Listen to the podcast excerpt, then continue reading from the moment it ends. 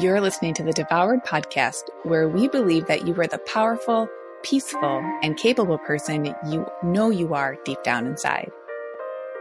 Join me, nutritional therapy practitioner Lucia Hawley, as I help you redefine what your relationship to your food means to you.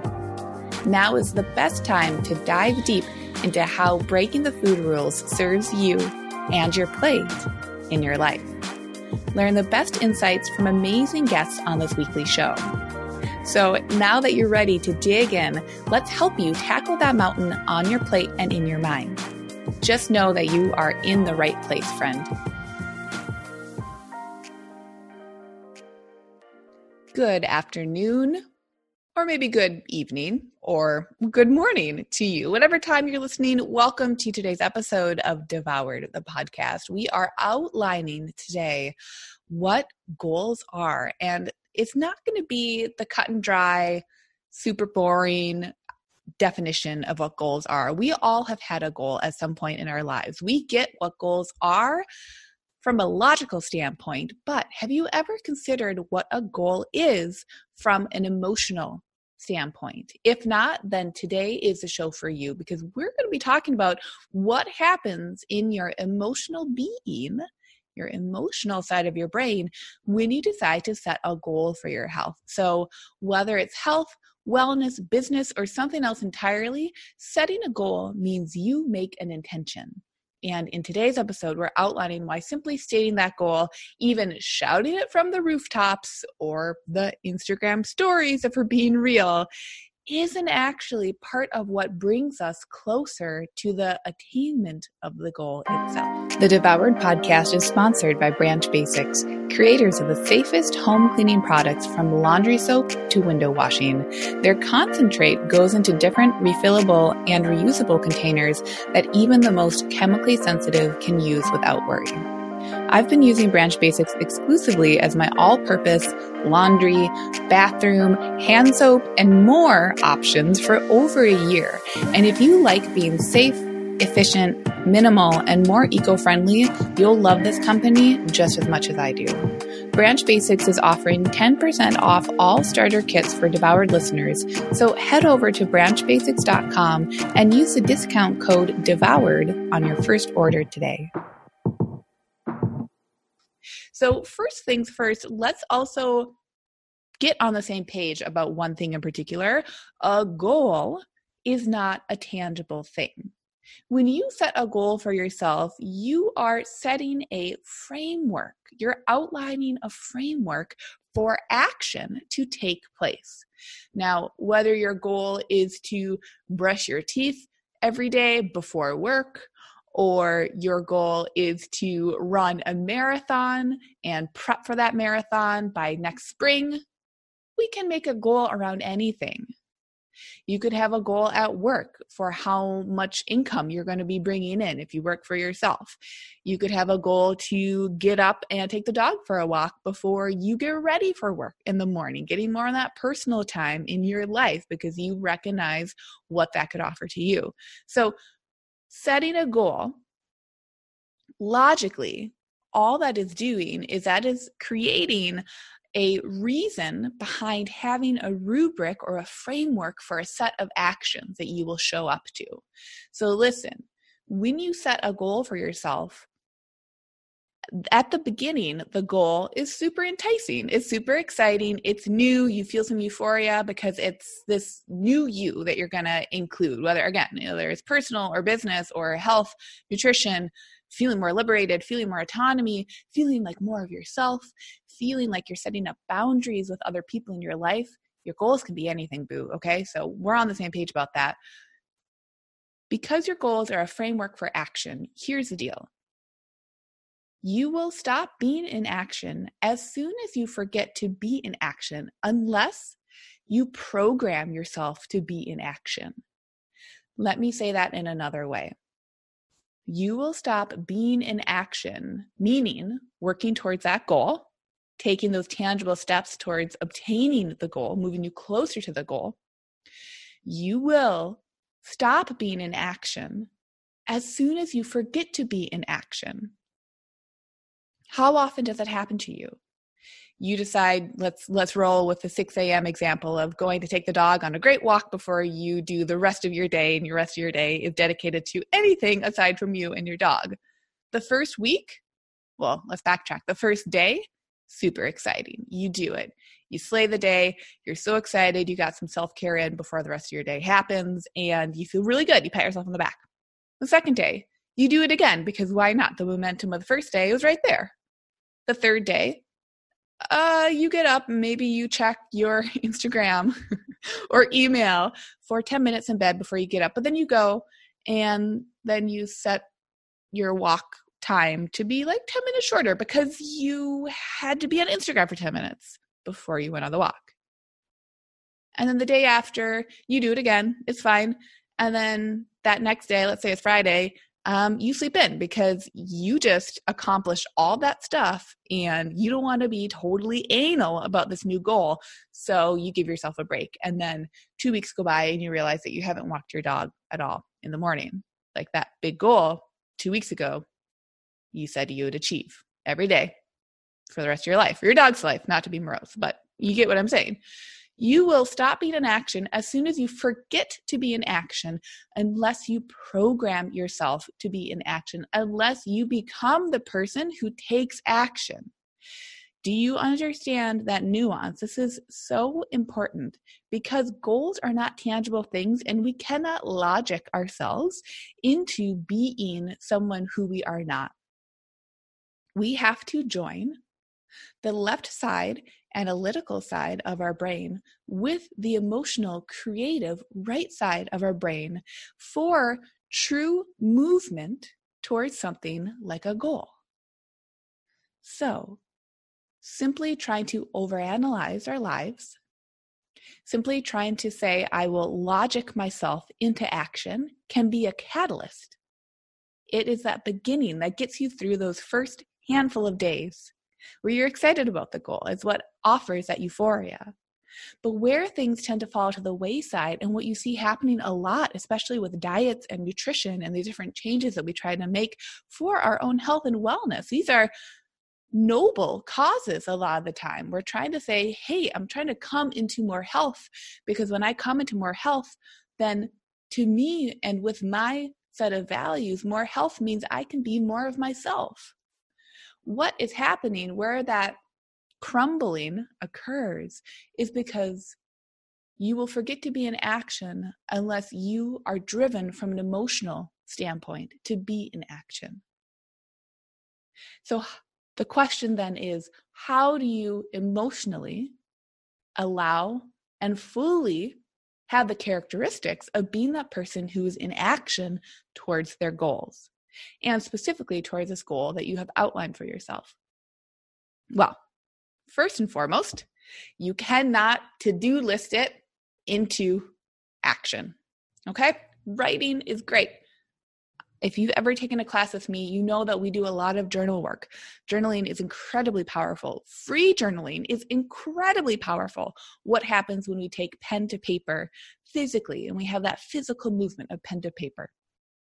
That's a great way to get our analytical brain and our emotional brain starting to work together, starting to get that super highway between both of them moving and grooving. But what we have to do in order to have a goal that makes sense not only for us and our viewpoint of ourselves and our own lives, but actually makes sense for us in the long term in our lives, a goal that we want to keep showing up to is that we have to get that emotional side of our brains on board. So, how do we do that? Well, you have to recruit your emotional side of the brain. I know that sounds way too easy, but how do you do that? How do you recruit your emotional side of the brain? That's a fascinating question because that is a question that is not often addressed in our modern life in our modern world, especially I would say, I can't speak to other cultures, but for the United States of America, where independence and being an individual, being individualistic, it, we have so much importance placed on those characteristics, we often forget that we can make huge impact coming from our emotional side of our brains. When we're working on being more individualistic, or we're working on doing go, go, go, or being more, more, more, having go, go, go in our lives and just getting that outcome, we're coming from that analytical side of our brains. So we barely even have enough discussion around how to come into the emotional side of our brains. So on today's episode, what I want you to know is that to help move you into your emotional side of your brain, your creative side of your brain, your first task is to get parasympathetic. That means your first task is to relax. And if your eyes are rolling over in your head because you're like, Lucia, I am too stressed out, I have too many things on my plate in order to be relaxed, quite frankly, there's your solution right there. If you have had goals that you've set for yourself and you keep not achieving them because life gets in the way, that is life telling you something. That is life offering you a solution on a silver platter and you're throwing it and you're pushing it away saying, no, doesn't make sense. I must try harder. so let's stop that analytical noise right now and let's focus on some tips that we can work on today that you can do right now to help you move into your parasympathetic mode, your rest and digest mode. And when you're in your parasympathetic rest and digest mode, it is going to be much easier for your emotional brain to come on board and for your emotional brain to join with that analytical brain that is already flexing. You if your analytical brain were to be a muscle, that like you are you are so brawny, you are so strong in your analytical brain and the emotional brain is a little more lax again because we don't have much practice with this in because we don't have much practice with it in our culture right now so working and allowing our parasympathetic processes to unfold and unravel and to be with us is a form of exercise. It's a mental exercise. And it can be this almost like forgotten about state that we don't experience too much anymore. We wake up, we're stressed out, we hate how we look. We have to just stuff those feelings down because we got to stuff something into our face and we've got to run to work. And then we deal with unhappy people at work while we're also kind of unhappy. And then we maybe take a lunch break unless we just work right through that. And then all we're doing is working really hard so we can get home and then swap stories about how stressed out we were with our loved ones who are also really stressed out so that we can then maybe have some dinner that we probably are too tired to make. So then we can watch TV and tune out for a couple hours. So then we can go to bed and crash and burn because our day was so stressful. No wonder it's difficult to move into the emotional side of our brains. We haven't practiced it. So I want you to know right here, right now, that goals are not tangible things. Goals are a framework for action and actionable goals that you will continue to want to show up to that you can understand that you are programmed to be living will not make sense in your body from a creative and emotional standpoint until you are allowing yourself to dip into your parasympathetic state and to ask yourself when you're in this relaxed rest and digest mode what goals would I like for myself? What goals would I like to be moving towards? What goals make sense for me? Who I am, who I am being and where I'd like to go. That is how our creative brains think. That is how our emotional brains think.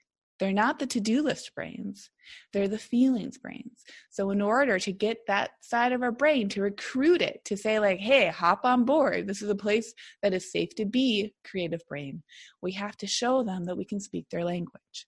And speaking the language of the right brain, it means that we allow ourselves to drop into the parasympathetic mode.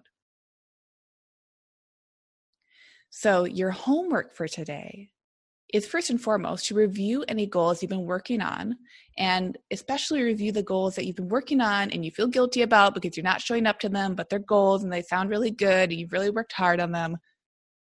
First off, like get the lay of the land with your goals. Now, secondly, once you have those, okay, you understand what they are, what they aren't. Maybe they're from a couple months ago. Maybe you've just been avoiding them. Who cares? Simply bring them up to the surface and remember them. Your second goal is to get parasympathetic. Yeah, that's right. Your homework is a goal. Here are a few different ways to get parasympathetic. The first and foremost, the easiest way to remember how to get parasympathetic is to ask yourself what you are sensing, is to tune into your senses. So, one example could be noticing where your feet are. Is your foot in a sock? Is it in a shoe? Are you barefoot?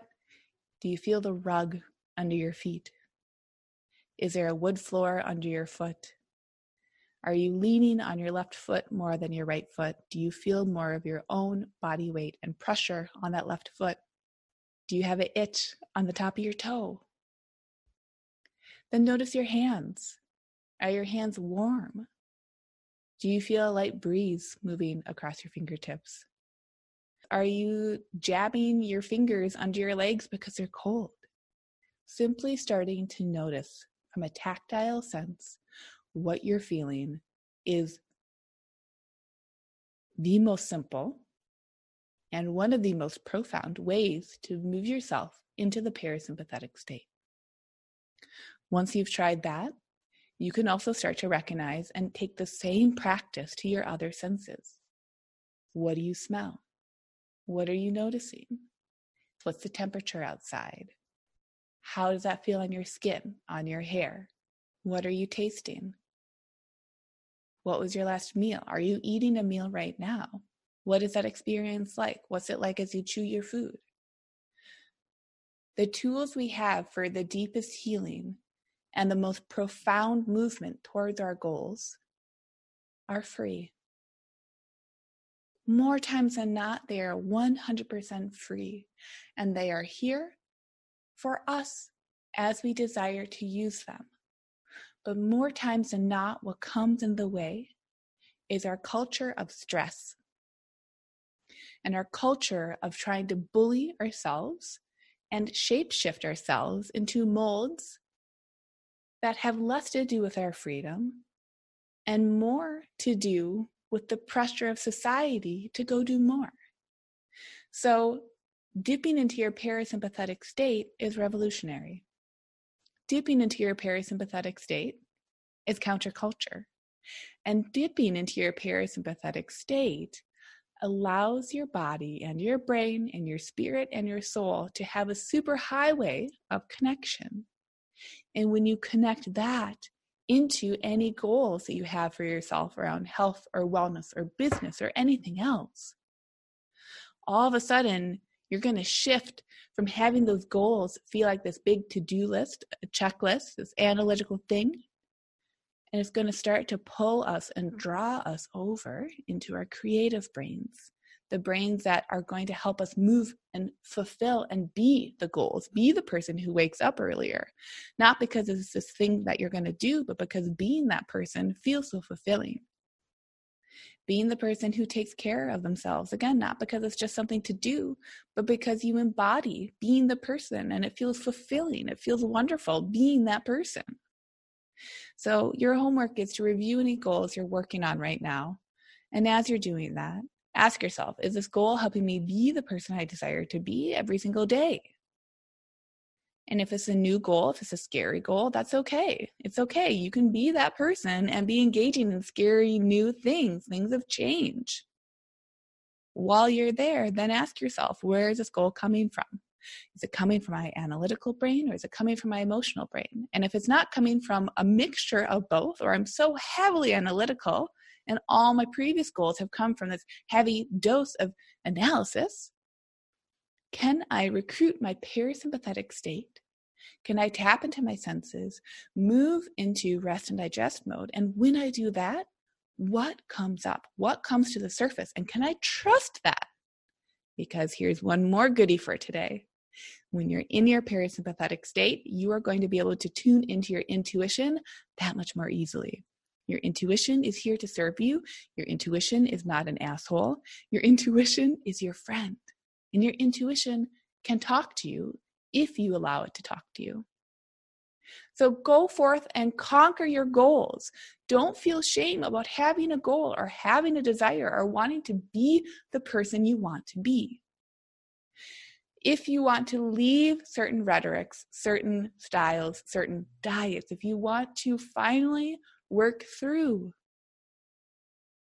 the noise that's in your head, then I propose to you that this week you take your parasympathetic nervous system into account and you practice these different parasympathetic practices and you notice what comes up. You notice how this impacts your goals and your actions and your desire to be in action. So, thanks so much for listening to today's episode, and I'll catch you next week with a great guest interview. Thanks for listening to the Devoured Podcast. Jump into the show notes for this episode and all past episodes at devouredpodcast.com. And if you love the show, please take just two minutes out of your day today to leave a review. This helps us so much in spreading the word. Consider also sharing your favorite episode with a friend. Let's get food liberation for all, and we'll see you on the next episode.